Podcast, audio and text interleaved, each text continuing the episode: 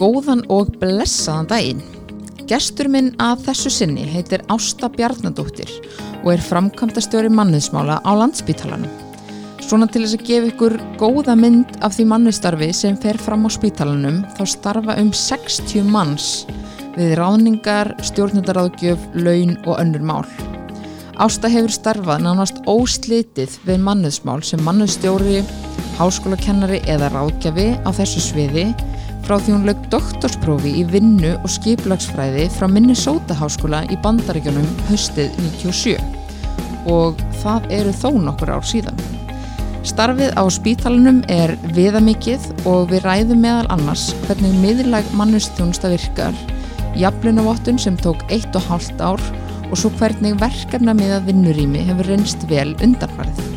Auk þessa kemur miklu meira skemmtilegt fram í spjallin okkar en þessi þáttur er í bóði 50 Skills og Origo. 50 Skills er hugbúnaðalöst sem hjálpar fyrirtækjum að ráða og virka nýtt starfsfólk á vinnustanum. Með lausninni fær fyrirtækið sér sniðna ráðningasíðu þar sem auðvelt er að búa til störf, byrta þau á öllum helstu starfatorgum og samfélagsmiðlum og auk þess búa til kvata fyrir starfsfólk til þess að deila þeim störfum sem í bóði eru. Þegar að ráðningu kemur er svo hægt að búa til ráðningasamning, senda hann í rafræna undirritun og síðan stopna nýjan starfsmann sem notanda í innri kerfum svo sem launa og tímaskanungakerfum. Í hverju mánu eru hundruðir starfsmanna ráðnir með 50 skills á Íslandi og ef að þú telur að þessi laust geti henda þér og þínu fyrirtæki þá hvetja þig eindreið til þess að kíkja á 50skills.is og panta fría kynningu og svo er það Origo. Kjarni er öflug mannuðs og launalaust sem stiður allt ferlið frá ráðningu til starfsloka. Helstu kostir kerfisins eru aukin upplýsingagjöf, skilvirkni í launavinnslu og mannuðstjórnun, ásand hagkvæmni í hýsingu og viðhaldi. Kjarni inniheldur átta hluta sem vinna vel saman með það markmiði að nýtast stjórnundum sem best í sinni vinnu. Til dæmis eru mikil þægindi og sveianleiki sem engina skýrslugerð sem er innbyggð í alla átta hluta kerfisins. Það er svo fullkomi flæði á melli kerfisluta í kjarna og yfir í önnur kerfi, hvort sem það eru rafræn fræðslukerfi eða tímaskráningakerfi. Eins og ég sagði að þá er það Origo sem hýsir kjarna með örgum hætti sem jafnframt einfaldar viðhald og dregur úr kostnaði við rekstur. Frekari upplýsingar er hægt að nálgast á origo.is en nú er komið að Ástu, gjöru þið svo vel. Ásta, verður velkomin. Takk fyrir. Takk fyrir að koma. Um, mér langar aðeins að heyra bara hvað þú ert búin að vera að gera, hvað þú kemur og þú náttúrulega stýrir mjög stóru manninsviði í dag og mér veist kannski er svona, ég er forvitin að vita hvernig hérna, manninsmálun funkar á, á landsbytalanum þannig að hérna, þú mátt bara byrja ef við förum kannski bara yfir feriliðin aðeins. Hvað þú byrjaðir og, og hvað þú ert búin að starfa lengi í, í manninsmálum Já, það er orðin nokkur langu tími sem ég hef starfað við mannusmál svona í einhverju mynd sko. Ég byrjaði fyrsta svona alvöru starfið mitt eftir nám var að vera starfsmannastjóri haugköpa Já, og það var mjög áhugavert og, og þá kynntist ég svona þessum hérna bara almenna markaði á Íslandi og kjaramálum þar og ráningum og, og hérna í nokkuð stóru fyrirtæki og svo á þeim tíma þá var líka saminningin að kaupa bónus og, og hérna baugur var til það fræga fyrirtæki ok og þetta hvaða ár þá? Já, ég byrjaði þarna í 1. janúar 98 Já, ok og hérna og saminningin var síðan ári setna og mannast í bladamannafundi hérna í því sem heitir núna Smáratork þar sem að eigendur hafa kaups og bónus tilkynntu um þetta. Já, og hérna stofnum Baugs. Baugur hafði verið sammeilegt innkaupafélag þessara fyrirtækja áður. Og hérna og það var sögulegt svona eins og munum eftir. Um, þannig að ég var þar. Svo á þessum tíma þá var Íslensk erðagreining að verða til og var svona svolítið spennandi fyrirtæki og maðurinn minn var farin að vinna þar eftir að við komum heim frá bandaríkjunum og hérna og það vantaði mannustjóra þar þannig að hérna ég var nú frekar stutt hjá Baugi um, en voru komið til Decode þarna einu og hálf ári setna, 99 og var mannustjóri þar eða starfsmannustjóri eins og það hétt þá. Já, ömmitt. þá vorum við nefnilega ekki farin að nota þetta hugtak mannusmál Já, og hérna og svo var ég þar og, og hérna mikill vöxtur aðalega verið að ráða fólk mikill stækkun alveg mörg hundru manns á þessum tveimur árum sem ég var þar. Ég var svolítið byrjuð að kenna við háskólinni Reykjavík sem þá nýjopnaður og það vantaði kennslu í starfsmannamálum eins og það hétt þá í nýju viðskiptadeildinni sem var stopnið þannig 98 ef ég mann rétt. Og háskólinni Reykjavík var þá í ofanleiti og var svona start-up einlega fyrirtæki mjög skemmtilegt undir fórustu Guðfinnu Bjarnadóttur. Þannig að ég var farin að kenna þar og svo einhvern veginn hérna vantaði þar og, og hérna og, og ég man að mér var sagt sko að nú er tækifæri til að koma annars þú verður að ráða einhver aðra og þá er ekki eins mikið tækifæri. En ég fór þangað yfir 99 þetta var allt svona, ok. allt svona erfiðar ákvarðanir svona skemmtilegi staðir sem ég var, hafði verið og þannig að ég var komið þangað. Já, en allt svona einhvern veginn fyrirtæki í ykkur svona uppbyggingu. Já, það var svo gaman sko á öllum þessum stöðum og hérna var þar í tíu ár í HR og, og fylgdi því að hann breyttist úr viðskiptahás já, hann hétt náttúrulega viðskiptaháskólinni í Reykjavík hann að fyrst og Já, var það? já, já, já, já, já. og svo var hann breytt í háskólinni í Reykjavík og, já. og Ég var náttúrulega bara smábarn á þessum tíma, sko, þannig að það er ekki skrítið ég veit því þetta ekki. er aldrei langt síðan sko og háskólinni í Reykjavík saminaðist tækniháskólan Íslands og uh, stakkaði mjög mikið á þessum tíma og hérna tekið upp MBA nám og, og ég stýrði MBA námi með áherslu á mannustjórnun Já, ok. Og varstu líka þá í rauninni sem starfmannastjóri eða? uh, sko fyrst var ég við, við viðskiptafræði deildina lektor og hérna og svo tók ég að mér að vera uh, fórstöðumar BS náms í viðskiptafræði og jafnframt með þetta MBA nám í mannustjórnun svona leti þá uppbyggingu og og uh, svo varði ég hérna framkvæmtastjóri mannuðs og gæðasvið skólans síðustu þrjú árin sem ég var þar eitthvað Já, þannig, já, að já. þetta var svona eitt og annað sem ég var að gera alltaf einhverju nýjum hlutverkum Já, einmitt. Var Já. þetta þá nýstopnað svið þá? já mannuðs og gæðasvið var stofnað þarna, já Já, einmitt. held ég svona 2006 og hérna og þá voru líka gæðamál svona úttektir sem þurfti að fara í og alls konar og hérna og mannuðsmálin byggð upp. Einmitt. og hérna og þarna var ég til 2010 þá vorum við flutt í Vassmýrina og, og hérna og þá fór ég í ákveðin verkefni fyrir háskóla geiran svona að vinna að hérna eila sem hérna að vinna svona samstarfi háskólana það var áhuga á að fækka háskólanum og svona svolítið þeim geira. Já, vann fyrir opinbyrju háskólana að, að hérna samþætta þá og leittist út úr því út í ráðgjöf og, hérna og endaði sem ráðgjöfi hjá Kapasend uh, í fjögur ár 2010 til eða 11 til 15 líklega og þá var ég byrjuð að vinna fyrir landsbítalan sem ráðgjöfi og hafði mjög gaman að því og, og fannst þetta mikilvægt verkefni að, að hjálpa til þar í þessum geira mhm. og þannig að þegar vantaði framkvæmtastjóra mannus sviðst þar 2015 þá sló ég til og var hvað til að segja um það og búin að vera þar síðan Já, ömmit. Þetta er hérna skemmtilegu ferill. En þetta er allt svona, eins og ég sagði á svona fyrirtæki í svona mikilli þróun og uppbyggingu. Þannig að það er örugglega gaman að taka þátt svona frá byrjun. Já, það var það, þannig að með þessi, þessi tvö sem voru startup, þetta hagkaup og, landsbítali eru aftur á móti svona rótgróin og allt öðruvísi Já, já. Þannig að þetta er búið að vera alls konar og Já. svo þetta að vera í ráðgjöf er, er allt öðruvísi en hérna, en alltaf er þetta mannusmálin sem að bara mér finnst bara svo áhugaverð frá öllum sjónhrótnum Já, já. Hver fannst þið svona helstu munurinn á því um þetta að vera ráðgjafi og svo vera innan fyrirtækis? Það er auðvitað að vera ráðgjafi þá hittir maður mjög marga og kynnist mörgum og það er gott fyrir forvitna Já, eins og ég er já, og sem hefur gaman af fólki já. Og kynnast þá mörgum fyrirtækjum og hvernig svona kannski mannismálin eru innan hvers fyrirtækis. Já, Já, og bara mynda tengslanett sem að hérna, maður býr að eftir það og þannig að það er mjög skemmtilegt sko en auðvitað líka svona ákveðin áskorun sko, maður er einhvern veginn veit aldrei alveg hvað maður er að fara að gera eftir nokkra vikur já, ömmit, ömmit. Og hvernig uh, svona hefur kannski tíminn þróast uh, hjá landsbytalanum? Var framkvæmtustjóri þar áður en að þú tókst við eða?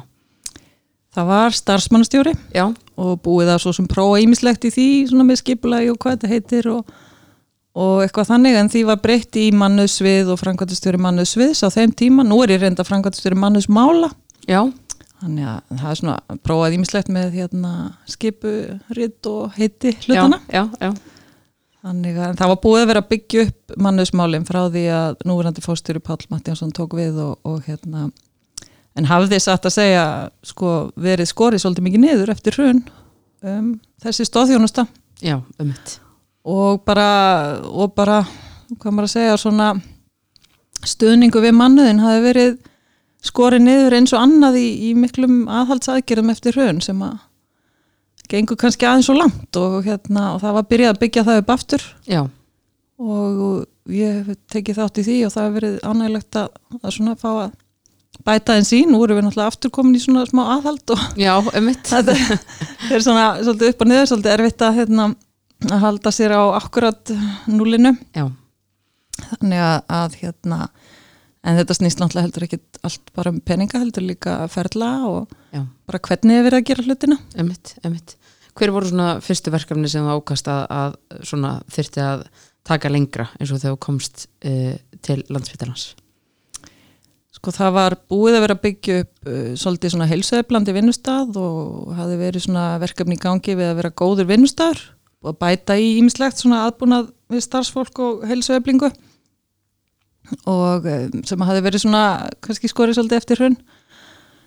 Og það sem að, og það var búið að vera mjög góð vinna í sambandi við kjaramál en hafi verið mjög fámenn og menn hafi verið svona einhvern veginn allir kannski sama fólkið í öllu og, og svolítið hlaupið á millu og þurft að slökka elda Já, eftir því sem að eldarnir kveiknuðu þannig að ég hef notað svona sveigrúmi sem var til að bæta þess í mannskap eh, til þess að svona byggja upp mönnunar þjónustu við stjórnendur í rauninni.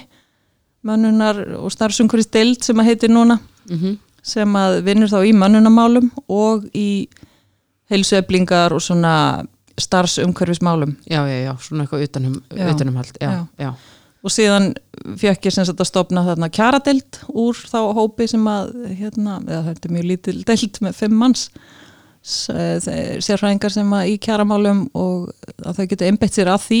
Þetta er svona, svona, svona þróun kjaramála samskipti við stjættafélag og stofnana samningar sem eru samningar sem við gerum ofan á kjarasamninga. Já, og bara ráðgjöpti stjórnenda um kjaramál og eh, uppbygginga á svona verkverðlum og geðarskjölum og þar og svo var launadeildin saminuð við mannusviðið og eh, þá hérna svona stakku við næstu um helming já, því það er mjög stort verkefni hjá okkur og mannfrekt já, það var aðskilið.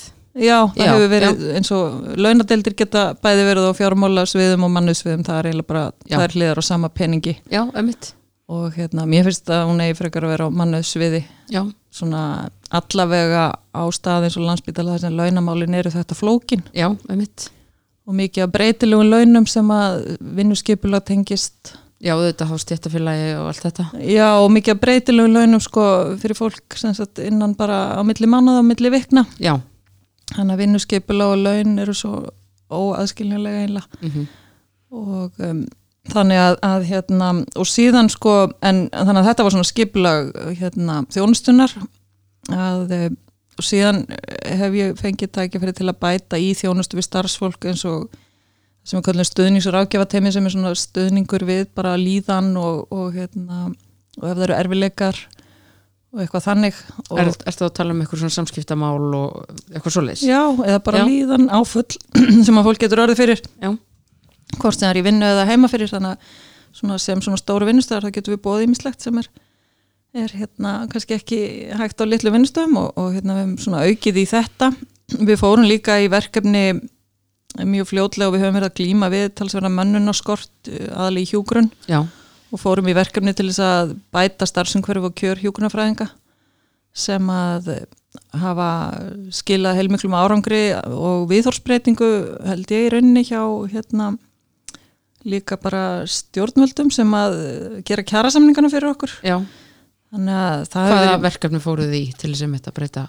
það eru verkefni sem miða því að uh, laða meira að fólk til að vinna til dæmis í vakt eða sérstaklega í vaktavinnu í hjúgrunn Já, sem að er bara áskorun í dag og uh, hérna og fáir sem að kannski Já, það, það var um tíma allavega og er eitthvað sem við glýmum við. Þannig að, að við fórum í svona aðgerðir þarna og síðan hérna, fórum við að gera samskiptasáttmáleinu á spítalan sem að er svona græsrótaverkefni sem að hafi verið lengi í deglunni og rætt svona og, og hérna var gert með þáttöku 700 starfsmanna á opnum fundum. Já, voru 2018 það var mjög skemmtilegt og hérna búum að því. Uh, síðan hóst hérna jaflunavottunarverkefni þetta er svona búið að vera það var 2018 alltaf komu hérna tóku gildi lög og, og hérna þurfti að hefja áföllu vinnu við þetta já, um mitt. Þannig að það er svona búið að vera svona nokkra stórar vörður Já, tengdar þessu málum. já, ég heyri það og svo eru örugglega mörg önnur verkefni sem að, að hérna, hafa uh, komið þarna líka með. Um, en ég komin held ég með nokkra spurningar bara eftir hérna, uh, eftir hérna að þú vorst að segja frá þessu. Uh, hvað voru til dæmis margir starfsmenn í mannustildinu þegar þú byrjaðir? Það voru eitthvað innan við 15. Innan við 15, ok. Já. Og hvað eru mörg í dag? Með þá vantilega launatildinni? Já, það er þá, það er alveg 20 á launadeildinni sko, þannig að það tvöfaldaði alveg eininguna og nú erum við mm, rúmlega 45 Já, eitthvað svo leiðis, Já. sjáum líka um móttöku og starfsmannafélagið. sem- já, já, já. En er ekki alveg óhætt að segja það? Er þetta ekki stærsta mannusdeld á landinu? Jú, ég hugsa það, sem er ein og sér. Já, já. Það eru, eru allmargir í manniðsmálum hjá Reykjavíkuborg sem er Já, stærri vinnustæður, Já. allt er talið. emitt. ég veit ekki alveg hvað margir en það skiptir kannski meira í nokkrar einingar Já, emitt, já. Um, hérna varðandi eins og uh, samskipti sáttmálan nú til dæmis hefur líka borið uh, mikið á uh, hérna podcastinu sem þeir eru með bara innan hérna spítalans. Hvernig hefur þessi samskipta sáttmáli gengið, hvernig hefur svona gengið fyrir fólk að fara eftir þessu? Af því að einmitt fólk fara að taka þátt og, og mynda svona kannski sáttmálan en hvernig hefur svona gengið að fylgjus eftir svona? Það eru þetta bara, við erum mjög stórt samfélag sko með 6.000 manns og hérna og það eru þetta undantekning af samskipti síðu slæm og flestir bara eru góðir og, og voru það fyrir, það var ekki, það var ekki þannig, það Nei, bara, já. minn vilja svona bara skerpa á þessu já, Já, skerpa á þessu og hafa tól og tæki til þess að grípa inn í þegar eitthvað er mm Þannig að hérna, það hefur verið heilmikið unni með þetta og er í sjálfu sér bara sett í hendunar á fólki. Það var búið til svona efni til að nota og, og hérna, stjórnendur gáttu fengið aðstofið að innlega þetta og, en í rauninni verður svona innlegging aldrei lokið. Þetta er bara tæki, eitt af tækjanum sem við höfum í höndunum Já, til að vinna með. Já, já, og sumar einingar hafa kannski ekkert gert meir en að kannski lesa upp sáttmálan á stöðufundum taka einhver, einhverja fundi í þetta eða eitthvað þannig, aðrir hafa unni með þetta í fleiri klukkutíma á vinnustofum og allt þar á milli já, emitt en það er samt svona, emitt svona sterkur leikur að, að koma með þetta og sérstaklega náttúrulega kannski kjölfara á MeToo-byltingunni og svona, þú veist, maður er kannski ég held að fyrirtæki séu meira spá í samskiptum bara yfir höfuð og hvernig við viljum að samskipti séu. Þannig að það séu emitt eitthvað svona tækjutól sem er hægt að grípa í og fara eftir. Það, vantar, það var einmitt hérna í kjölfarið á MeToo-bylgjunni sem við byrjum með þetta og við gerum könnun hann að rétt fyrir jólinn 2017 um samskipti sem að okkur fannst svona sína að væri tækifæri til að bæta. Og við höfum gert kannanir aftur núna og við sjáum allavega að kynferðislega áreitni af halvu samstarfsfólk sem við mingað Já, ok, frábært. já, fjöldin sem upplifir þannig hegðun á tólmána tímabili bara snar, hefur snarlækkað. Það var, Vá, ekki, það var ekki hátt en minnir 2, eitthvað prósentu neyri 0, eitthvað. Já, en ég menna það er samt munar bara um hvert, hvert tilveik sko. Já. Já, frábært og, og, og kynbundin áreitni líka og hérna en það er eh, svona það mætti vera meiri bötnun í svona leðinleiri framkomu Já, og einelti er alltaf eitthvað að mælast já, þannig að já, já, já. einmitt. Hvernig finnst þér svona því þú veist að segja að það væru um, sérstakki starfsmenn í því innan mannusteldur að sjá einmitt um kannski svona mál, eitthvað svona stuðningur við eh, stjórnendur og svo leis finnst þér stjórnendur vera að leita eh, að ráðgjöf varðandi svona mál? Já, mjög mikið. Við hérna innleitum stjórnenda markþjálfun Já, og réðum manniski það. Því það eru 200 stjórnendi hjá okkur þannig að það er heilmikið úr að móða og það er bara verulega aukningi því að menn er að sækja sér hjálpar hjálp og, og, og svona stuðnings í þessu. Já, og, um, og stjórnendur uh, vita líka og nýta sér mjög mikið þetta stuðnings og rákjáð teimi þegar eitthvað bjátar á hjá fólkinu að vísaði það þangað. Mm þannig að ég myndi segja að það væri mjög mikil meðvitund fyrir því að leita sér hjálpar en það líka bara partur af því að vera heilbriðstarfsmæður er að vita þín mörg og hvenar þú þarft að fá hjálp og hvað þú getur gert sjálfur og hvað þú þarft að leita til annara með. Já, þannig að það er mjög jákvætt og hefur verið heilmikil aukning í beðinum til þessa teimis já, emmitt, emmitt og finnst þér, getið annað þessu? Já, ég held það núna. Með, með ákveðinu aukning á mannskap þá, þá séum við annað þessu. Það var um tíma svolítil Já, sem að ég vona að við höfum upprætt. Já, nákvæmlega. Um, Hafið þá verið að sækja sagt, eitthvað svona ákveði námskeið fyrir stjórnendur eða hvernig hafið þið verið að tækla þessi mál, þau eru þetta mismunandi svona alvarleg? Eh, Sko við völdum þá leið í sambandi við stjórnenda þjálfun að hafa námskeið fyrir nýja stjórnendur sem eru svona í stofu þar sem fólk kemur saman og, og hittist og, og, hérna, og hittist í lótum og, hérna, og fær þjálfun í þessum grunnatriðum. En síðan ákvaða að fara meira í þessa markþjálfun á leið eftir það. Því þá væri þarfirna svo einstaklingsbundnar að þá fengjum en stuðning svona eftir þörfum já, emmitt og bara eftir því hvernig hendar Já, hverju sinni, já, emmitt og finnst þér það að hafa náð árangri? Já það held ég að hafi verið alveg hárrétt ákvörðun sko og við bara prófum okkur áfram með þetta. Já, og vissum náttúrulega hvað markþjálfun er orðin vinsal í samfélaginu og stjórnendur margir að nýta sér þannig að við vissum svo sem alveg að það væri örgulega markaði fyrir þetta. Já, og það reyndist vera rétt. Já, já, ömmit en nú velti ég fyrir mér að því ömmit svona er hann kynnast uh, svona ykkar starfi þarna í, í hérna, mannustildinni hvernig er svona að, að þetta er svo stór vinnustæður og þú kannski getur ekki snert alla starfsmenn og hvernig er svona veist, samskiptin bæða milli þín og þennan starfsmanna við eins og stjórnendur bara að um, varandi bara skipulega á vinnunni og bara haldið til gangandi og svona hvernig eru svona uh, samskipta leiðinar Sko það er náttúrulega alveg óraunhæft að þekkja alla starfsmenn. Já, en til dæmis ég reyna að þekkja alla stjórnendur. Já, og hérna og við, ég segi við fólkið mitt að það sé viðskiptavinnu nummer eitt er stjórnandin af því að þau eru svo mikilvægir aðilar gagvart starfsfólkinu. Já, þannig að fyrir hvert starfsmann þá er næsti yfirmaður bara skipti mjög miklu máli. Þannig að við forgámsröðum beðinum frá stjórnendum alltaf. Já, ok. Og já, ég glem- glemdi líka að nefna það að, að það eru átta, held ég örgulega núna, einstaklingar sem eru mannustjórar úti í starfseminni sem eru líka ennþá nær stjórnendunum heldur en við því að við getum líka heldur ekki verið nálagt öllum. Nei, einmitt. Og þannig að þar er líka tengiliður sem að stjórnandi getur leita til. Ok. og, og í rauninni fyrsti tengiliðurinn er þar, þau eru það sem er kallað um, HR generalistar Já, svo í sletti. Og hérna kunna í rauninni alla ferlana meðan fólkið á miðlagum mannuskrifstofunni er sérfræðingar í mönnun, í kjaramálum, í helsu og helsuvend og, eða einmitt. Eða já, Þannig að, hérna, það er svona bæði dreifð og miðlag mannustjónusta sem að ég held að sé það er rétt að líka á svona stórum vinnustaf. já, einmitt. Já. Eru það þá átt aðalar, er þetta þá skipt niður eftir einhverjum sviðum þá og, og er, er kannski fleiri en einn, eh, er einn kannski með fleiri svið heldur en bara eitt svið? Já, nú erum við með þrjú mjög stór svið á spítalanum upp í, upp í 2000 starfsmenn hvert. Já, og á þessum sviðum eru tveir til þrýr mannustjórar já, ok, já, sem skipta þá með sér einingunum og, eh, og leysa hvernig annan af líka og við vinnum mjög náið öll saman líka. Þannig að það má kannski segja að mannusfólkið á spítalanum eru hátt í 60 manns Já. allt. já, einmitt. Já. Þannig að þau eru svona, þessi dreifiða mannustjónusta, hún er kannski svona svolítið fram, framhald af, af ykkar svona þessar, þessari miðlægu. Já. Já, einmitt. Eru þið, veist, svona samskiptin ykkar á milli, eru þið með eitthvað svona ég bara reyna svona að ná utanum þetta, minnst þetta, er svo stórt og mikið en svo áhugavert.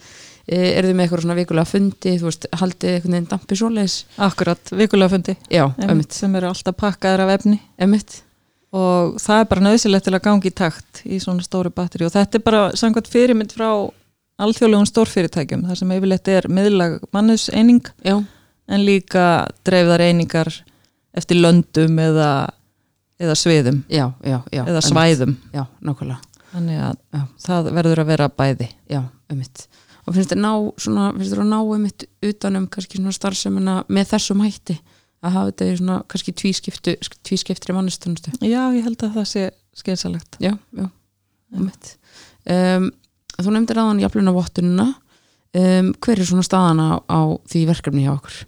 Við erum komið með vottun. Já, til hamngi með það. Takk fyrir.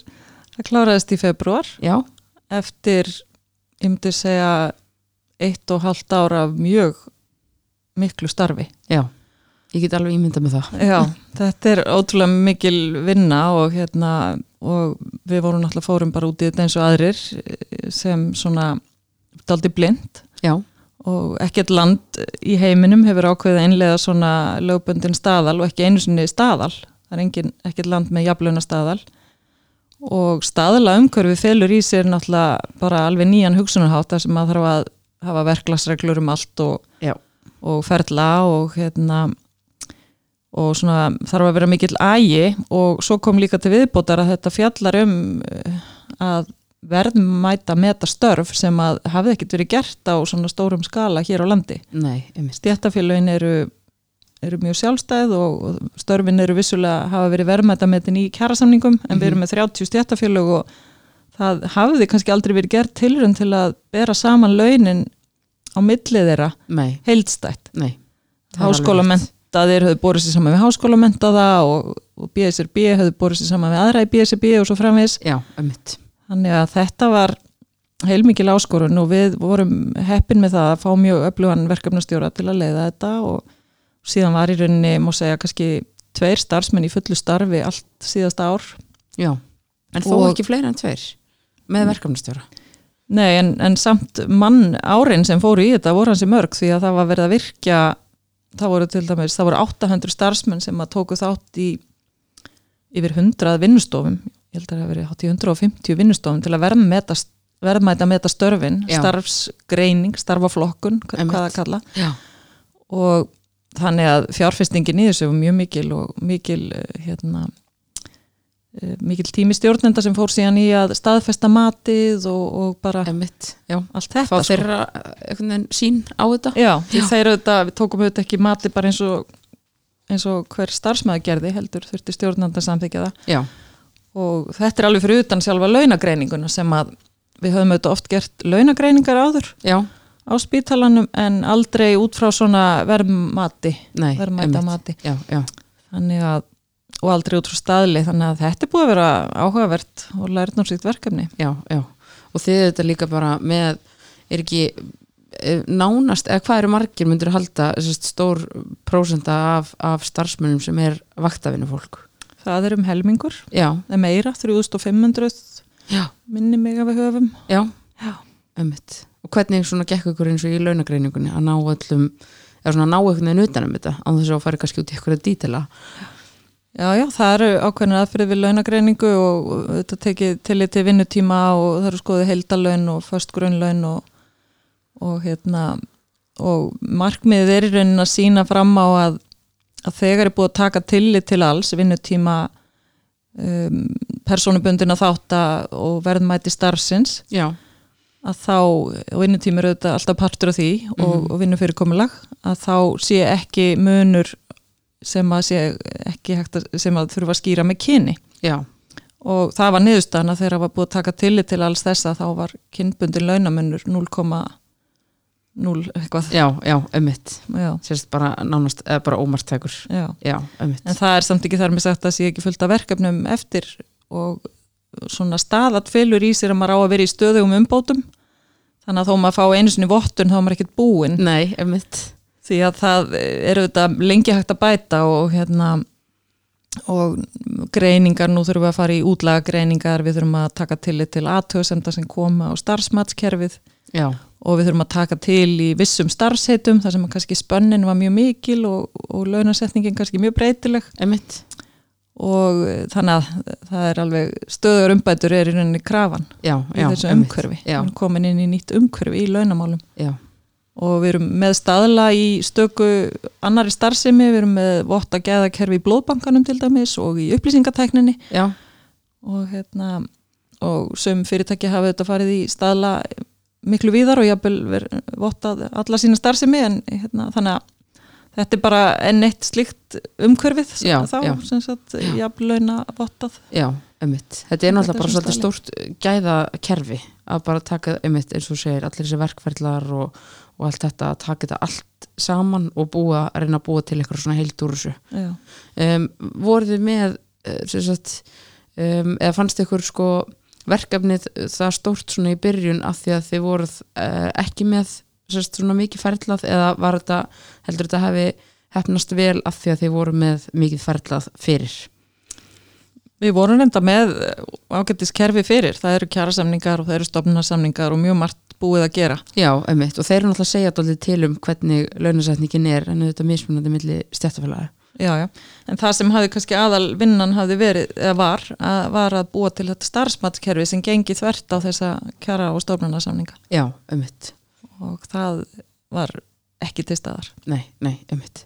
Um, eru þið með mikið af uh, deildum eða sviðum þar sem er kannski me meira sagt, konur eða karlar? Sagt, að, að já, já, meira konur eða karlar sem starfa. Já, mjög mikið, sko. Við erum 80% hvenna vinnustæður Já, og uh, það er mjög kynskiptur vinnumarkaðurinn líka innan okkar raða. Um, þannig að það eru stjettir eins og ljósmaður, það sem eru engöngu konur. Já, og í yðnamanna hópunum okkar eru miklu fleiri kallmenn. Um, læknahópurinn er mjög jafn nú orðið já, og uh, svona nokkrum öðrum stöðum en þetta er, þetta er bísna kynskipt. Og það er þá þetta, þess vegna er mikilvægt að gera verðmat þvert á störf því að það myndi kannski ekki segja mjög mikið að það sé ekki kymbundi launamunur meðal, meðal kerfisfræðinga. Nei, um, eða ljósmaðra, það er, Já, ekki, það er ekki hægt að nei. meta það. Já, þannig að það verður að fara þvert á störf. Já, akkurat. Þannig að voru þá kannski einhverju tilfellum þá um, einhverjir uh, flokkar þá kannski sem að núliðist út af þessu leiti að því að það voru bara konur eða kannski einmitt síndi ekki rétta mynd af uh, launamununum að því að það voru mestmægnus konur Já, það við gerðum, við gengum lengra, við gerðum í rauninni miklu meiri kröfur til okkar heldur en að sína að það væri ekki kynbundu launamunur innan starfsheita. Já, ok, Það er eiginlega gamla aðferðin, sko. Já, já, að já. taka bara starfsheitið og gá hvort það er kynbundu launamunur þar já, og það dugar ekki í jafnlaunavottuðu umhverfi. nei Þannig að þá eiginlega skiptir ekki máli hvort það séu engir kallmenn ljósmæður af því að ljósmæðra starfið fær einhver ákveðin stig og reynda mismunandi stig eftir á hvaða einingu ljósmæðurinn er að vinna. Einmitt, og svo er þetta allt sem hann kert inn í aðkvarskreiningu til að hérna, skýra launin og þá, þá, skiptir, þá fara allir inn í sömu aðkvarskreiningun, allir starfsmenn þannig að þá skiptir ekki máli þó einstök störf séu bara með öðru kyninu. Já, þau eru öll skoðu saman. Já, já, einmitt. Hvernig fannst þið svona starfsfólk taka í þetta kerfi? Og núna sérstaklega eftir þið kannski fengu, fenguð vottununa það var þetta allavega hann skoðunur á þessu og hérna alveg frá því að binda miklar vonir við kerfið að það muni bæta kjör þeirra. Já, um, sem er auðvitað erfitt að gera því að það fylgdi ekki fjö með til að bæta. Nei, það þarf að krafsa saman því fjö til framtíðar smá saman. Já, um, vantarlega og um, svo voru aðri sem að kannski voru tortrygnir á þetta og, og hérna óttust að þeirra starfirði ekki metið og það kom nú bara fram í fjölmjölum að læknar voru svolítið í þeim hópi. Já, ok. Og þeirra fórustu sem sagt voru svona tortryggin á þetta. Þannig að við þurftum að hérna fara aðra leiði til að fá mat á störfin lækna sem sagt í gegnum bara s- mat stjórnendana yfir læknana mm og uh, þannig að má kannski segja að það hefur alveg skipst í bara mjög ólík viðþór sko frá miklu væntingum og jákvæðni þar að leiðandi -hmm. og yfir í tortrygni en svo þetta, ég veit ekki hvort að það getur orðið vombriði kannski því að það hækkaði enginn í launum þó við fengjum vottun sko. Nei, það er meira mál en svo. Já, og hérna við þurfum að fá fjármögnun á launabreitingar og en við erum samt, þetta er samt byrjað að hafa áhrif. Við erum komið miklu meira með jafnbreytis glerugun á þegar við erum að gera breytingar. Já, einmitt. Og hérna, erum til dæmis í aðhaldsaðgerum núna, erum að endurskoða svona ýmsar hérna, ímsa útgelda þætti mm og þá erum við meira með kynjaglerugun á. Já, tímalust Já, nákvæmlega. Og það eru þetta líka svona stór kostur við að innlega þetta kerfi þó svo ef þetta sé hérna mikil vinna þá uh, held ég þetta hafi verið holl vinna upp á þetta að gera. Þetta setur svolítið kynjaglerun á og, og maður þarf að skoða þetta einhvern veginn í víðara samhengi uh, sérstaklega störfin og, og, og hérna og skoða einmitt svona út frá kynni. akkurat. Já, hvernig hérna um, að því minnst þetta áhuga að vera punktur eins og nefnir að starfsfólk hafi kannski haldið að, að það kæmu launahækkanir í kjölfara á, á, því, á þessu kerfi eða vottunni uh, sem ég held að hafi líka gert hjá fleiri fyrirtækjum að, að starfsfólk hafi haldið að það fengi launahækkanir að þetta veri staðfesting á því að nú kæmu dálítið veglega launahækkanir. Um, heldur að hérna kynningin á þessu kerfi hafi kannski gert það að verkum að starfsfólk hafi bara yfir höfuð tekið það einhvern veginn eða bitið það í sig að þetta væri staðfesting á, á einhverjum launahækkunum. Af því ég hef heyrt þetta uh, oft. Öruglega, hérna, náttúrulega lagasetningin um krafanum jaflunavottum var sett í jafnbryttislaugin vegna þess að það var talið að það hefði ekki tekist að útrýma kynbundur launamenn þannig, þannig að það er mjög eðlilegt í rauninni að hvennast ettir hafi væntingar í kjölfarið á þessu og ég held að það muni á endanum skila betri kjörum. Já, og það sé kannski farið að hafa áhrif þó það sé ekki, hægt, ekki hægt að benda á einn hóp hjá okkur sem hafi hækkað í launum út af vottuninni já, þá sé þetta alltaf að hafa áhrif. Já, og kannski bara í nýjum kjærasamningum þá séu bara hlutir að gerast jákvæði hlutir sem að svona beint og óbeint leiði af þessu. Já, algjörlega, já, ömmit fannst þér hérna að þið, þú nefndir áðan og þú verið með ömmit bara svona starf, bara heila delta af, af starfsmönnum sem að vinna við kjaramálin um, auðveldaði það ykkur þessa vinnu að hafa bara svona mjög góða sérfræðinga í þessum málum? Algjörlega nöðsynlegt kjæramál í opnbjörra geranum verið mjög flókin og á vinnustað sem er 24 tíma og sólarring 7 daga vikunar og alls konar fyrirkomulega á gr- launagreiðslum eftir félögum og, og aðstæðum þá er nöðsynlegt að hafa mikla sérfræðing og ég er mjög heppin með fólk í mannusmálunum, það er alveg frábæri sérfræðingar já, á já. landspítala Já. í þeim málum Emitt, emitt. Um, þú nefndir áðan emitt að það væri kannski farin að skoða svona verkefni meira út frá uh, svona með þessum kynjaglerugum eftir uh, þetta verkefni. Er eitthvað svona sérstök kannski verkefni svona framöndan sem þið ætlaði að taka svona förstum tökum eftir þessa vottun?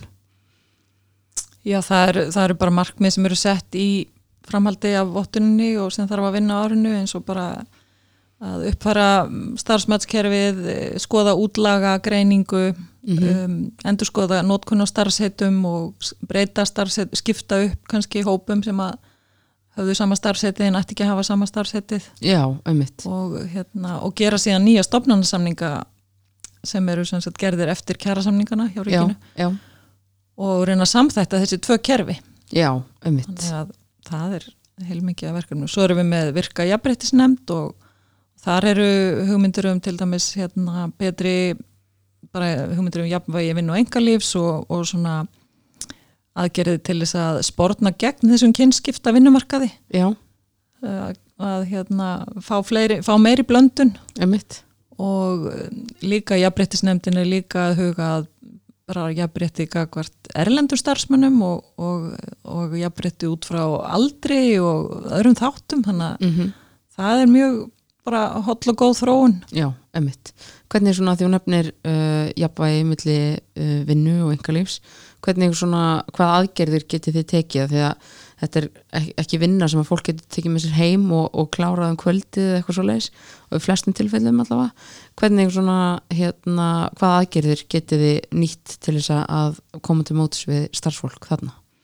Sko aðalverkefni framöndan er að innleiða styttingu vinnuveikunar Já, sem að er verið að semja um Já. núna, Mm bæði fyrir dagvinnumenn og vaktavinnumenn Já, og það getur orðið meiri stytting fyrir vaktavinnumenn sem er algjörlega tímabært Já.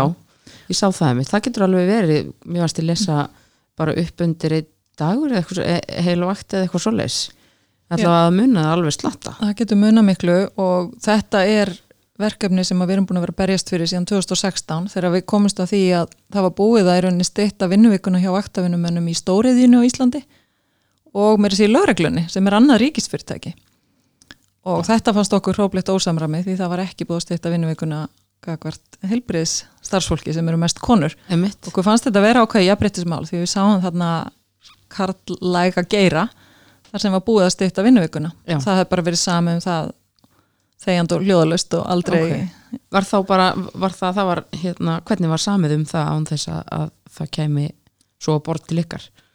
já það var sem sagt í stóriðjunni. Já, emmitt. þar er, þar er bara sami kjærasamningar beint við stjættafjölu og Já. það var bara búið að semja að, að hérna, stóriðju starfsmenn í vaktavinnum voru kannski með 147 stundur á mánuði í staðan fyrir 170 Já.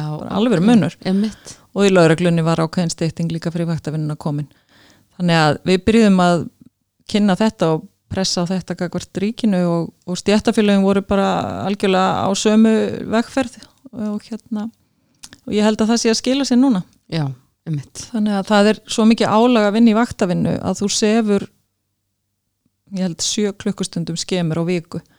Af því að þú ert er að kannski breyta um svepptíma það er bara álag og er þetta er ekkit smá, þetta er heil nótt. Þannig að mér finnst algjörlega eðlilegt að það sé mun stittri vinnuskylda Já, sem að sem sagt, getur orðið ef þú vinnur talsverðan hluta þinni vinni í kvöld og nætuvöktum og helgavöktum Já, já. vera það, þá færðu þetta á móti alveg niður í hérna, 32 stundir á viku Já, emmitt. Og það eru þetta alveg svakalega munur.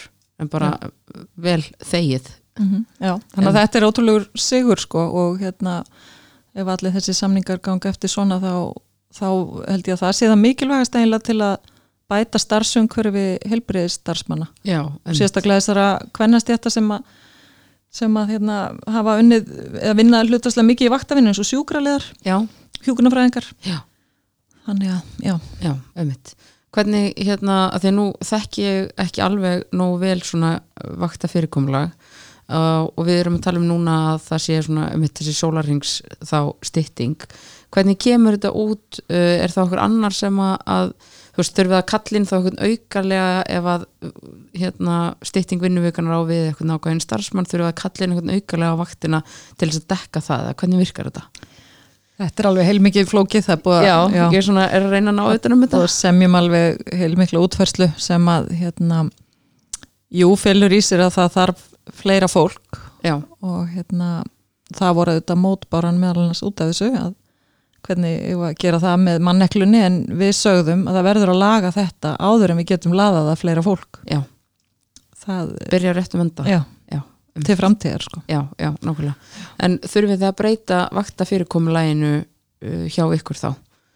Er sérst innan í rauninni þá dildana, væntalega? Já, já, það er ímislegt sem að við þurfum að gera til að innlega þetta og meðal annars, já, já, Já, það er bara, það er bara heilmikið flókið Já, að mála að fara út í. já, já, nákvæmlega. Um, hvernig er svona, hefur núna verið eftir að þið fengu vottun? Um, hvað svona önnur verkefni, fyrir utan þetta rísastóra verkefni, hvað, hvað önnur verkefni hafið þið svona verið að sinna?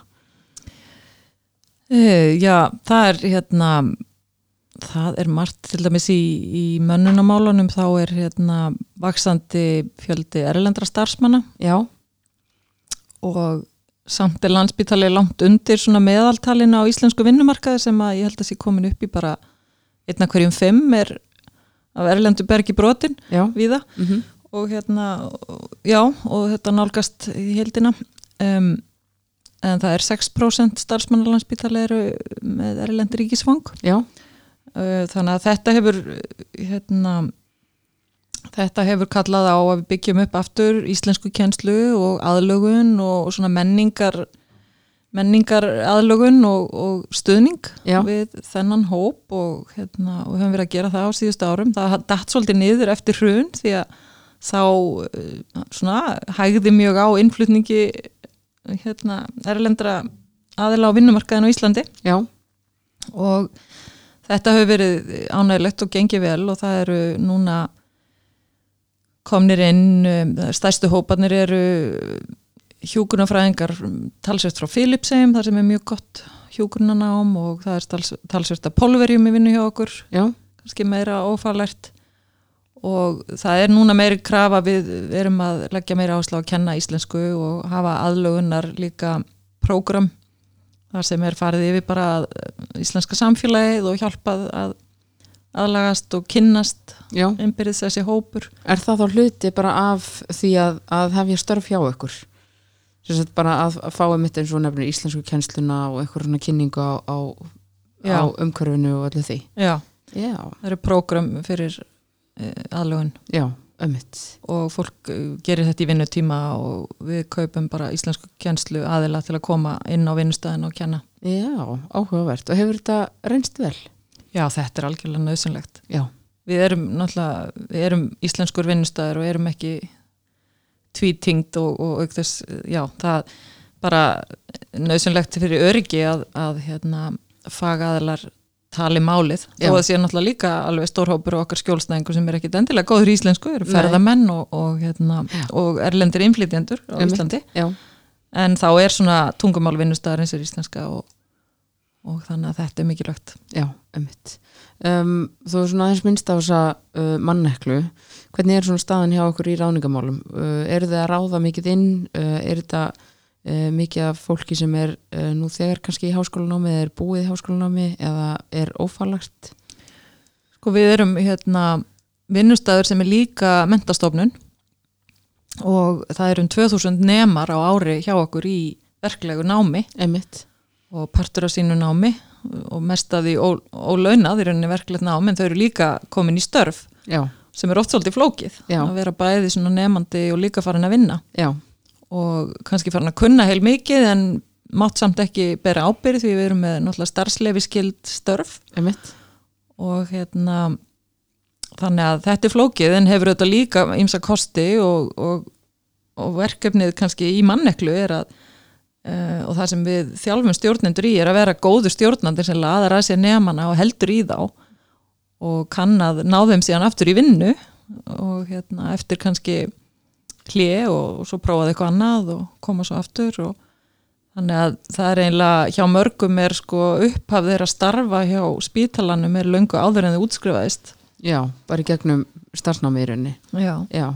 Og þá finnst mér svolítið mikilvægt að huglega það sko að við pössum upp á svona, svona first impression að hún verður kannski miklu fyrr heldur en svona formlega starfsauglýsingin og ráðningin á sér stað og, og þá er mikilvægt að grípa það að fólk man náttúrulega ofta eftir fyrsta deginum sínum á vinnustanum alveg sama þó að það verið nemi. Einmitt.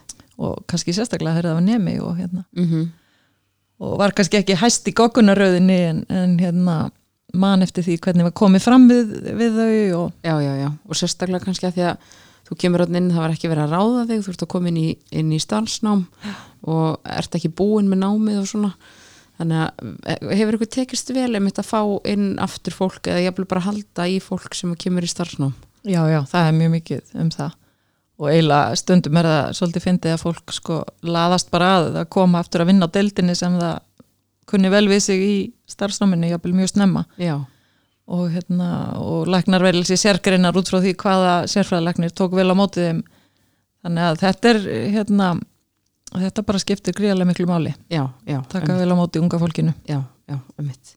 Um, að því við vorum líka eins að ræða á þann hérna, um, erlendi starfsmenn um, hvernig hefur verið svona dýnamíkin inn á deildum og sviðum þegar eru einmitt svona erlendi starfsmenn og svo um, íslenskir, svona hvernig hefur dýnamíkin myndast? Það er alveg áskorun. Já, Uh, sérstaklega ef það er hópur af erlendu starfsmönnum sem er kannski frá sama málsvæði að þá hafa þau tilhengu kannski til að tala saman á sínu máli og, og blandast ekki. Já, þannig að við reynum að hafa það ekki of marga já, á sama sömu deildi einingu. Mm en það er alveg áskorun sko og við Íslendingar getum líka alveg tekið okkur á í því hvernig við tökum á móti útlendingum. Já, þannig að hérna til dæmis mín reynsla er að bandarækjamenn eru miklu betri að taka á móti útlendingum heldur en við. Já, Já, svona almennt. Já, svona aðeins opnari og, og Já, einmitt af því að bandaríkjamenn eru allir innflytjendur á endanum, ef ekki fóreldra þeirra þá á að með að langa og langama Já, en það er svolítið lengra í það hjá okkur. Við erum svolítið búin að vera lengi hérna á eiginni já, já, þannig að móttaka bara er mjög já, mikilvæg. Já Er það eitthvað sem þið leggir svona helst áherslu á í því ferðla því að uh, eins og nefndir áðan þú veist, þið bjóðið upp á íslensku kennslu og, og alls konar auka fræðslu um, og svo er það einmitt að mæta í vinnuna og svona. Er það svona þessi móttaka sem að kannski þið leggið mest áherslu á eða er eitthvað fleiri þættir sem að Ég hef alltaf sagt í mannusmálum að ef þú átt lítinn pening eða svona hefur lítið sveirum í mannusmálum, gera þá tvent reynda að bæta nýliðamótöku bara fyrsta daginn hjá fólki í vinnu og svo stjórnenda þjálfun Já, af því að, sem ég nefndi á þannig, stjórnandin er svo mikil eh, svona frontur já, gagvart starfsmanninum. Mhm, um, og, varðandi mótöku nýliða þá höfum við, það búið að prófa ímislegt á spítalunum, búið að prófa heilan dag, tvo daga, halvan dag Já. og þegar ég byrjaði þá var þetta komið niður í bara klukkutíma námskeið já, fyrir, bara fyrir alla. svona nýliða þjálfun Já, sem já. að náttúrulega bara er ekki neitt, það er ekki hægt að gera neitt á klukkutíma sem er eins fyrir alla. Nei, þannig að við erum hætt því og núna í síðasta haust og opnuðum við móttöku miðstöð við höfum tækifæri til þess að því vorum að flytja í nýju skrifstofuhúsnæði sem er mitt á milli ringbrötur og fósvok sem eru aðal hérna, starfstæðinir okkar já, við hérna skaftalíð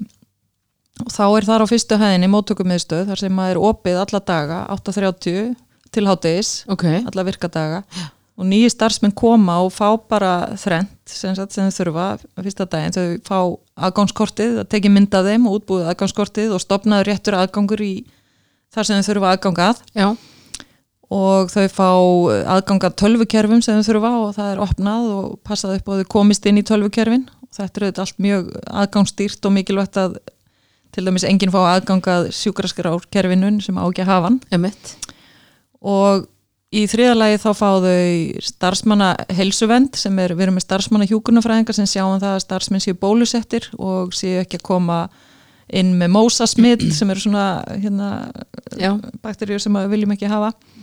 Og, uh, og þau fá þessa þjónustu á fyrsta deginum. Já, ok, og auk þess horfa þau á myndbönd sem eru með fræðslu um og til dæmis þessi gamla nýlega þjálfun sem var þarna, já, hún er bara komin í myndband. Já, og síðan ætlum við að byggja þetta upp áfram og búa til sértakari myndbönd fyrir eftir í hvað starf þú ert að fara og á hvaða einingu þú ert að fara þá horfir á réttu fræðsluna. Já, þannig að en þið hljótið þá að vera með dóldi breytt úrval af fræ, fræðslu að þið þurfa nánáttúrulega til allra, allra starfa. já, enn sem komið er þá erum við ekki með, komið fyrir öll störf. Nei, þannig að þetta er hérna, bara í vinslu. þetta er þetta almenna sem allir þurfa. Já, já, þannig að það farið í öryggismál og, og, hérna, og síkingavarnir og svona þessi helstu atriði sem allir þurfa að hafa já, emitt. Þetta En- er ótrúlega flott hjá okkur. Þetta er mjög skemmtilegt og hefur verið vel metið því að það er í staðin fyrir allir sé að finna upp hjólið og kannski eining sem er ekki að ráða svo oft fólk Já. að hún er hérna, já býtu hvar var nú aftur gátlistinn fyrir móttöku nýstarfsmanns og hvað þarf mann að gera og hvernig á mann nú aftur að komast inn í þessi tölvukerfi og, og þannig að það er svona verið að afgreða hluti þarna miðlagt sem að annars hefðu kannski dreigist yfir marga daga og jafnvel ekki klárast Já. Þannig, og þarna tökum við líka móti erlendu starfsmönnum og þá fá þau oft talsitt lengri lengra samtal Já, bara eftir því sem þau eru verið á Já, en það er líka tröstakjandur fyrir nýtt starfsfólk að þau byrja öll einhvern veginn þarna á sama stað. Þetta er alltaf fyrsti, fyrsti hérna, viðkomstæður. Já. Já, emitt. og það er til þessi líka mjög mikilvægt að það sé búið að gera ráningasamningin aðeins fyrir fram til þess að fólk sé komin í kerfin því að byggist allt á kennitölu á Íslandi og Já. ef ekki komin í kerfi þá er ekki að opna fyrir þér Já. þannig að við erum búin að vera að, hérna, að einleiða sem að hjálpar við þetta verkefni, erum búin að vera einleiða rafræna ráningasamninga með rafrænum undirskriftum Já, emitt. og þá er auðveldar að jafnvel þó að það sé gengi frá ráningunum bara örfándugum áður þá er það afgreitt rafrænt og þá er það bara komið Já, emitt. Hvaða kerfi er það að nota fyrir rafrænu undirrituna? Það er Signet, við erum í Oracle-kerfi ríkisins sem að hérna, er búið að vera að þróa þetta síðustu tvö árin Já, og mikið fyrir okkar hérna, þrá beðinni Já, að það er því gert og loksins er það núna að takast. Já, emitt. Og svo er það þetta líka bara mjög umhverfisvænt. Já. Já, emitt. Um, er með, ertu með að eitthvað starfsmenn þá sem eru þá bara sérstaklega í þessu verkefni að þetta er vantarlega svona hluti af eitthvað svona fræðslu fræðslu teimi eða eitthvað svoleiðis Þetta er hluta mönnunateiminu Já, ok, og sem að við skilgreinum sem þetta partur af þeirra vinnu er að já, manna þessa móttökum miðstöð Já. alla mótna. já. Já. En hvernig er svona eins og símyndunar uh, málum og svoleiðis háttað? Það er gríðaleg símentun í gangi Já, á spítalanum af öllum sortum, bæði svona grasróta starf sem að er búið til inn á einingunum og, og er bara unnið þar já, og fer eftir sérhæfingu þetta hópsins sem að hvað þau eru að gera allt önnur símentun í blóðbankanum heldur en á hérna, endurhönga getild á kleppi og svo Já. og um, þannig að það er í gangi og, og síðan er á vegum og svona í tengslum við stjættafélögin og, og þeirra sjóði sem að þau borga fyrir endurmentun starfsmanna Einmitt. og þar eru mjög mismikil réttindi eftir hvað félag það er og söm félagin eru með öfluga endur og símyndun en önnur greiða bara styrki til þess. Og síðan er það alveg yfir í að menni kjara sanninsbundin rétt á því að fara í námsferðir ellendis og það eru læknar sem hafa samið þannig og það er talið bara svo mikilvægt að, að það sé nýjasta þekkingin á Íslandi að það verða að sækja hann út. Já, eru það þá, úrst, er þetta meira svona eins og ráðstefnur og, og uh, fyrirlestrar og svoleiðis, er þetta sko nám þar nú þarfst að ná ykkur ákveðinu? Það geta verið námskeið, kannski frekar. Já, um, þetta sérnámið lækna sjálft á sér stað hér á landi og ellendis mm í fullu alveg yfir mörg ár. En til að halda sig við þá er miða við tvær vikur ári já, Erlendis. Já, alltaf því. Já. og hérna og svo er eh, sem sagt í gangi líka talsvert fræðslustarf innan spítalans sem er bæði skipulagt, miðlagt og dreift sko. Já.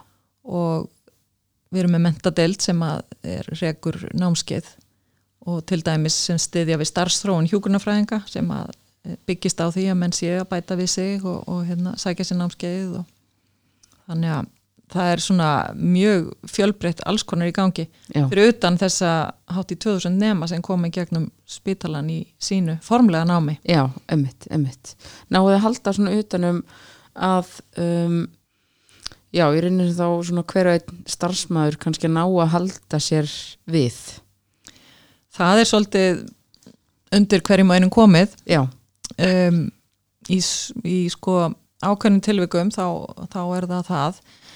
Um, og ég finnst að krafan til háskólamentast einstaklings er svo að hann gæta því svolítið sjálfur já, líka. Settur svolítið ábyrðana yfir á, já, já, að viðhalda sér. Já.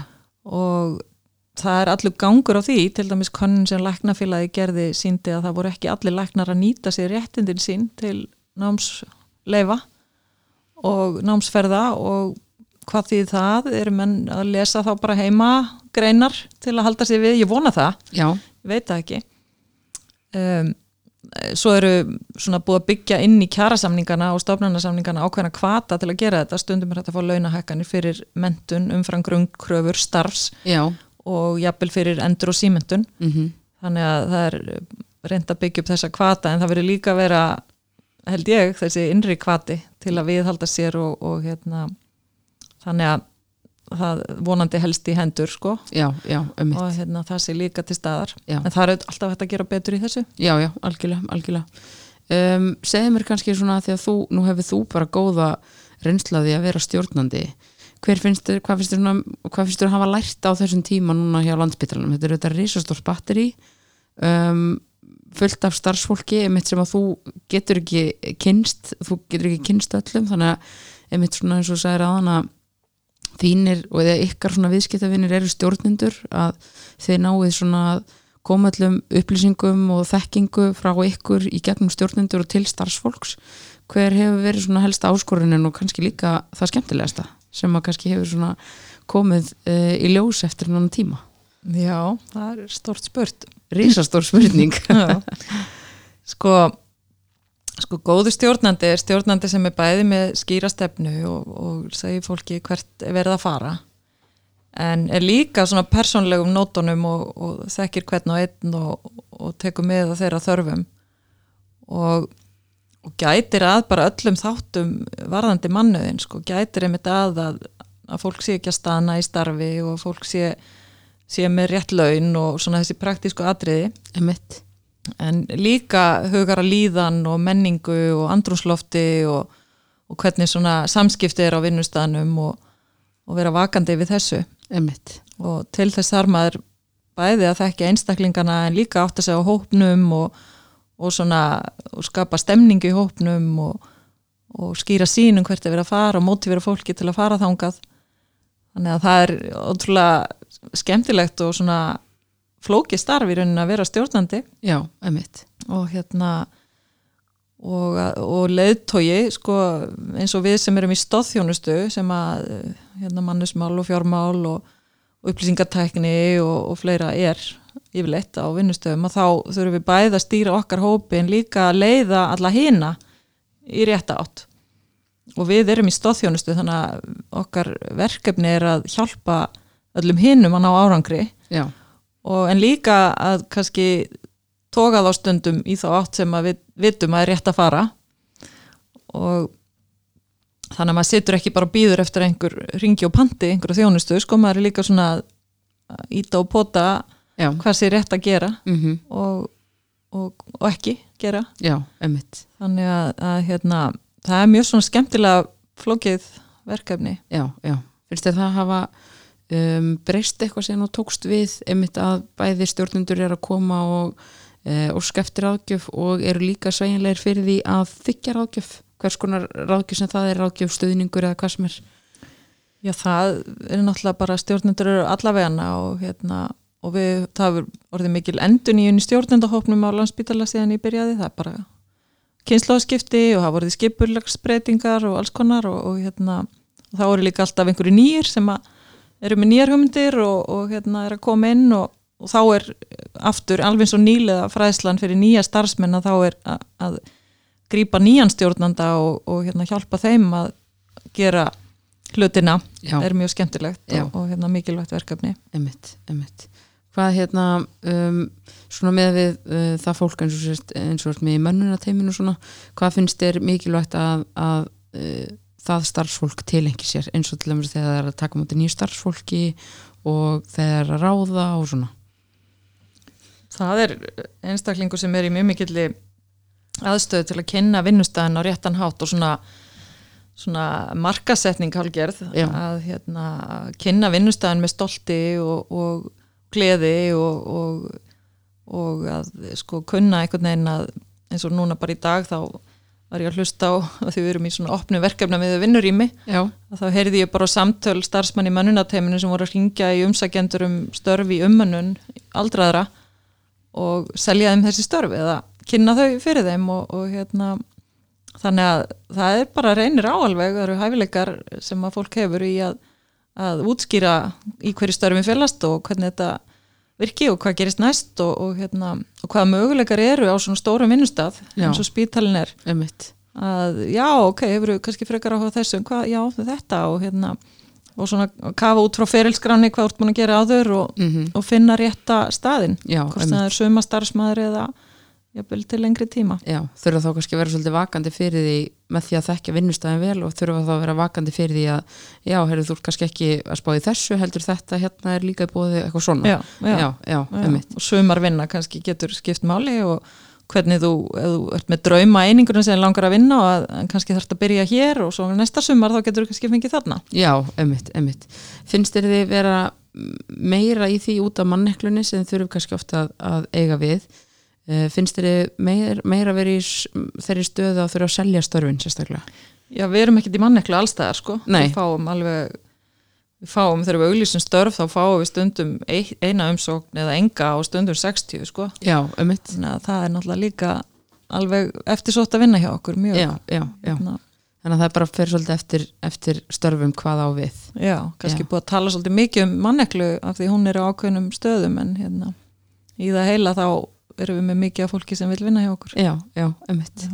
Enda líka held ég að þið hafa bara gert ótrúlega vel bara með svona uh, emmitt til þess að nálgast fólk á vinnumarkaði að þá hefur það svona allavega ég hef tekið eftir því að það hefur verið svona gert kannski með nýstarlegar hætti og bara svona virkar mjög svona bara tröstveikjandi, skemmtilegur og spennandi vinnustæður Já, hann er það. Já, og við höfum kynnta svolítið meira með einmitt eh, hérna, fjölmiðlum eins og hlaðvarpi og, og hérna, Facebook og, og bara eh, við erum rekumíla hálfgerða fréttastofu. Samskiptadeildin hjá okkur alveg frábær Já. með kvikmyndatökumann og ljósmyndara og fólk sem að, hérna, er sniðut að finna út vingla já, og það eru sko upp í tugir þúsunda Íslandinga að horfa fréttina frá okkur. Já, emmitt um einhver uh, tæknilega atrið í, í rekstri heilbriðstofnunar oft sko, Já. sem að hérna, vekur áhuga.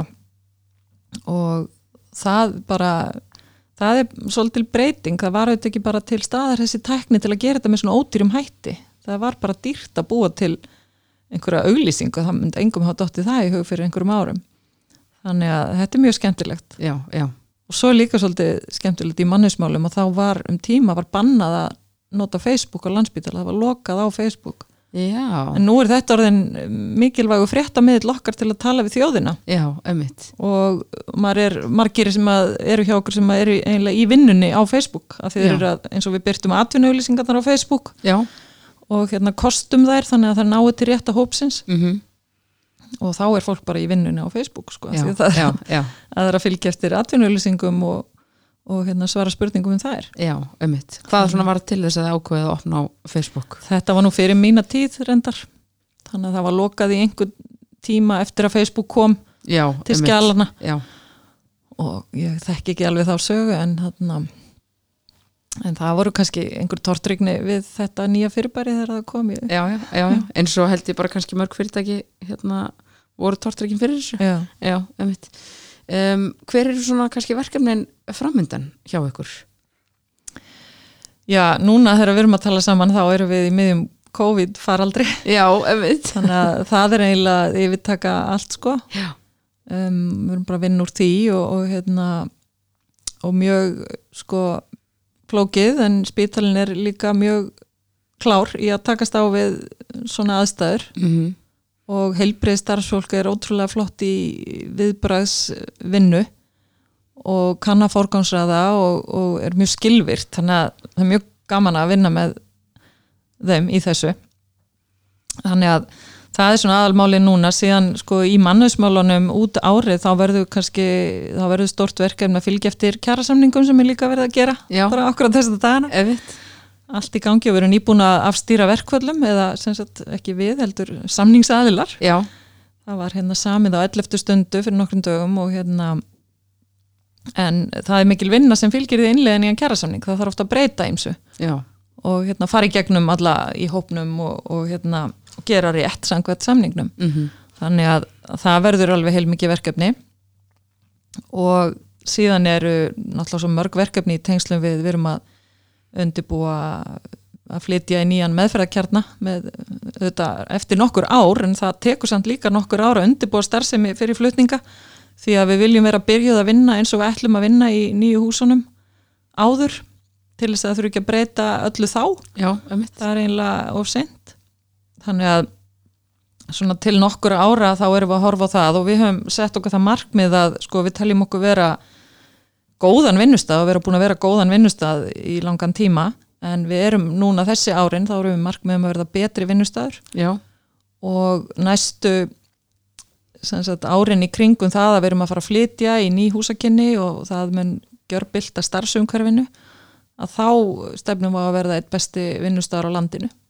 Bara ekkert minna. Nei, það sé ég veit ekki hvernig við munum mæla það en, en svona sem markmið að þá bara viljum við að það verði bara váert að vinna á landsbytala er það ekki geggjað? Já, og bara og er ekki frábært að vera í, í nýju húsunum og hérna og er ekki gaman þetta og hitt. Og ég heyri þetta oft nú þegar. Og, hérna, og ég vil bara að, að þetta verði einhvern veginn það sem allir heyra já, sem að vinna hjá okkur Já, og einmitt. upplifa. Já, nákvæmlega. Já. Mér finnst þetta, hérna, ég rána með þetta markmið, ég hlakka til að- að sjá hvernig, hvernig þetta fer. Mm Uh, eitt í viðbót áður en ég sleppi þér, ég geti reyndar haldið þér örgulega tölvert lengur að ég er með svo margar spurningar, en þú myndist á hérna opin vinnurými áðan. Hvernig hefur það gengið? Já, skemmtilegt viðfánsefni Já, að þetta er líka svona búið að vera tóldi Já, við leggjum áherslu á að við erum ekki ég er ekki talsmaður þess sem er kallað opið vinnur í mig engöngu því að það hefur oft svo mikla galla sem að er ekki hérna unni með. Uh, þannig að opin vinnur í mig hafa fengið á sér slæmt orð því að þau tengdust oft því að það var hrúað saman fólki í miklum þrengslum og þar sem var slæm hljóðvist kannski og þar sem var kannski ekki afdrep til þess að fara þegar maður þurfti næði. Já, um, taka símtöl eða Já. vinna ykkur ákveðin verkefni eða eitthvað, já, Já, og það er fristni vandi ef maður er með opið rými að setja tvö borði viðbútt það getur ekki endurraðið og komið inn fjórum borðum viðbútt þá Mhm. geta fjóri setið. Og og þá kannski vinnur mig með glimjandi golf og loft og veggi og, Einmitt, og engin afdreip þannig að við erum núna með um 250 rúmlega manns í skaftalíð í þessu húsnæði sem að við fluttum sem sagt úr öðrum húsum til þess að rýma fyrir klíniskri starfsemi Já. þá fluttum við stóðþjónustuna meira að minna, allt nema náttúrulega byrðastöð, eldús þóttahús og fleiri sem að tel stóðþjónustan er annars staðar og þarna innleitum við verkefna með að vinnur í mig sem að er að reyðja sér til í mörgum fyrirtækjum á Ísland og það felur í sér, jú það er vissulega opið vinnur í mig svona sem við kallum bara hefðbunda vinnustöðvar mm -hmm. en það er, það er góð hljóðvist þar það eru, það eru stöðlu borð og góð borð og stólar og það eru þrenskonar eða fjórategundir af öðrum rýmum sem er hægt að fara í. Það er hægt að fara í bókanleg fundaherbyggi, Já, það er hægt að fara í afdrepp eða semst óbókanleg fundaherbyggi og það er hægt að fara í næðisrými þar sem eru vinnustöðvar en sem sagt má ekki tala já, bara svona eins og liststofur í háskólanum eða eitthvað Já. Já, og svo er hægt að fara í, hérna, í kaffihjörtu sem eru svona kaffihús svolítil bara Já. í kringum kaffivélarnar og þar eru borð og stóla líka og líka hægt að vinna. Já, ok. Þannig að það eru þessi valkostur um hvar maður vinnur og, og þessi umgjör með hljóðvistina og, og lýsing sveigjanleg og, og þannig sem að gera einmitt. gæfi munin þannig að verkefna með að vinnur í mér alls ekki opið vinnur í mér, það er miklu meira Já, og miklu betra. Og, og það sem að maður fórnar hins vegar á móti er að það er engin með enga skrifstofu það er bara þær taka meira pláss og eru og ekki þú heldur? Nei, nei, nei, nei. Nei, ok. Ég þarf ekki enga skrifstofu, ég er ofta að fundum allan daginn og það væri bara sóun. Eða væri Já. skrifstofa sem ég kannski dett inn í klukkan fjögur loksins til að setjast niður. Já, þannig að alls ekki sko.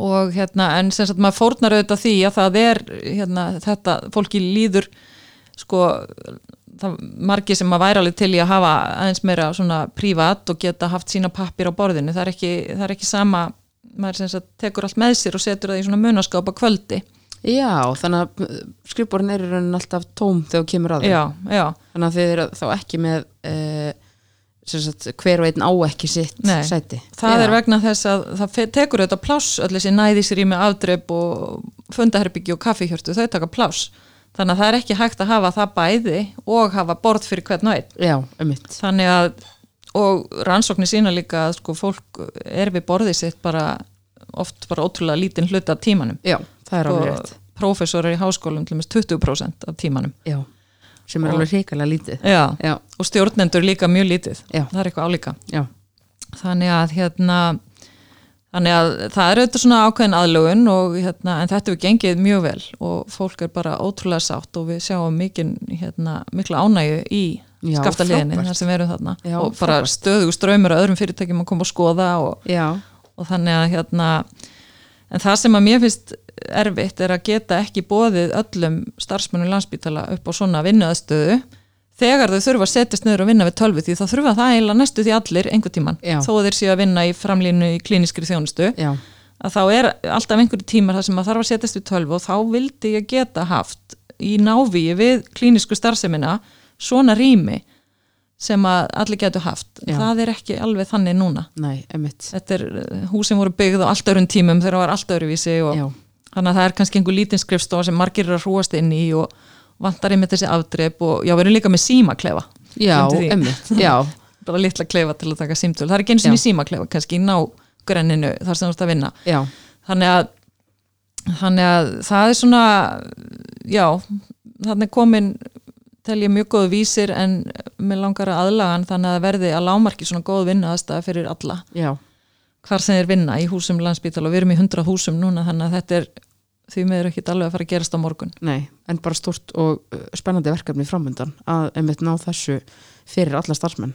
Já, það væri draumur sko. Já. og ég held að sko bara í umhverfismálum bara líka og svona samfélagsleiri ábyrð þá verði það bara eftir nokkur ár verði talið bara bara fáránlegt að byggja skrifstofuhúsnaði þar sem er mikið enga skrifstofum Já, já, já. En það held ég að það sé kannski það ekkert sé endilega verið- sóun Já. á landrými og, og byggingarefni og, og, þar að leiðandi umhverfinu. Já, emmitt um, Heldur að þessi opnu, eða svona þessi verkefna með vinnurými, heldur þau, heldur að þau bjóði starfsfólki upp á um, að sinna sinni vinnu á fjölþættari hátt heldur en að allir séu bara með skrifstofur þarna getur þú farið, þú getur farið í, hérna, á kaffistofuna þú getur unni verkefni þar þar þú þarft ekki endilega alveg hljóð. Þú getur líka farið og bóka fundarherbyggi þú getur líka einhvern veginn sest bara inn þú getur líka verið á eh, með á hérna, þínu skrifborði.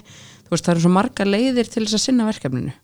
Já, akkurat. Og bara eftir hvað þú ert að gera Já. þá hérna, bókaru þér eða finnur þér stað. Já, ömmitt, ömmitt og í svona rýmum er yfirleitt sagt að það þurfi svona hefbundin borð fyrir um 80% af fólkinu.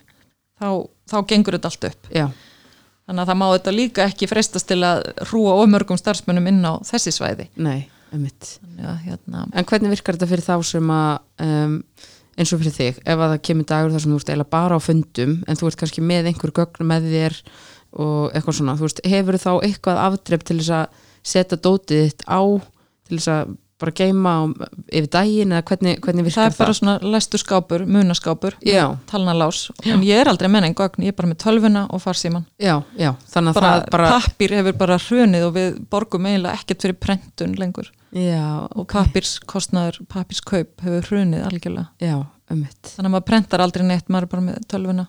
Já, nokkulega og svona sagt, í þessum skáp er ég með liklaborð og mús sem er svona stærri og ég tek þau þá með mér þegar ég sest við vinnustöð. Já, ömmitt en ekki það, mað, margir nota það mjög lítið líka. Já, já, já, já, það er bara með fa- fartölvuna. Þannig að þetta auðvitað krefst ákveðna fjárfestingar. Það þurfa allir að hafa fartölvur og, og það er líka eitthvað sem að, við höfum eftir að leysa hvert klíniskum starfsmönnum sko, sem eru ekki með tölfur í dag eða fartölfur en hvorugt jafnvel.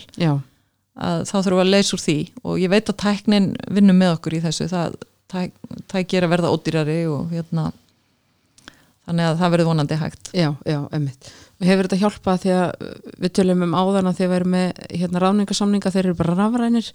Eh, hefur þetta hjálpað eins og til dæmis í þessari uh, minkun og pappirsnótkun Já, algjörlega, ömmitt, algjörlega. það eru 23.000 skjöl á ári sem koma á launadeildina hjá okkur.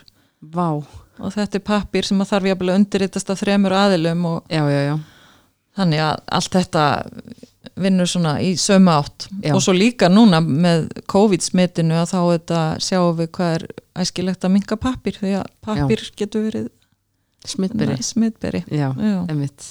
já, það er áhugast að, að ræða það, við ætlum nú að sleppa því núna. En ástæða það búið að vera alveg hrikalega gaman að spella við þig og heyra svona hvernig eh, landsbytalinn bara virkar. Ég allavega eins og ég segi að svona um, ímynda með það svona hvernig þið í, í mannustildinni svona náið utanum þetta heilstætt og, og náið allt utanum starfsfólki ykkar. Bara ótrúlega spennandi og flott vinna sem þið er búin að vera að gera og bara verður gaman að sjá þegar hérna, þið náðu markmiðunum að vera bara besti vinnustar á landinu. Takk fyrir. Takk sem leiðis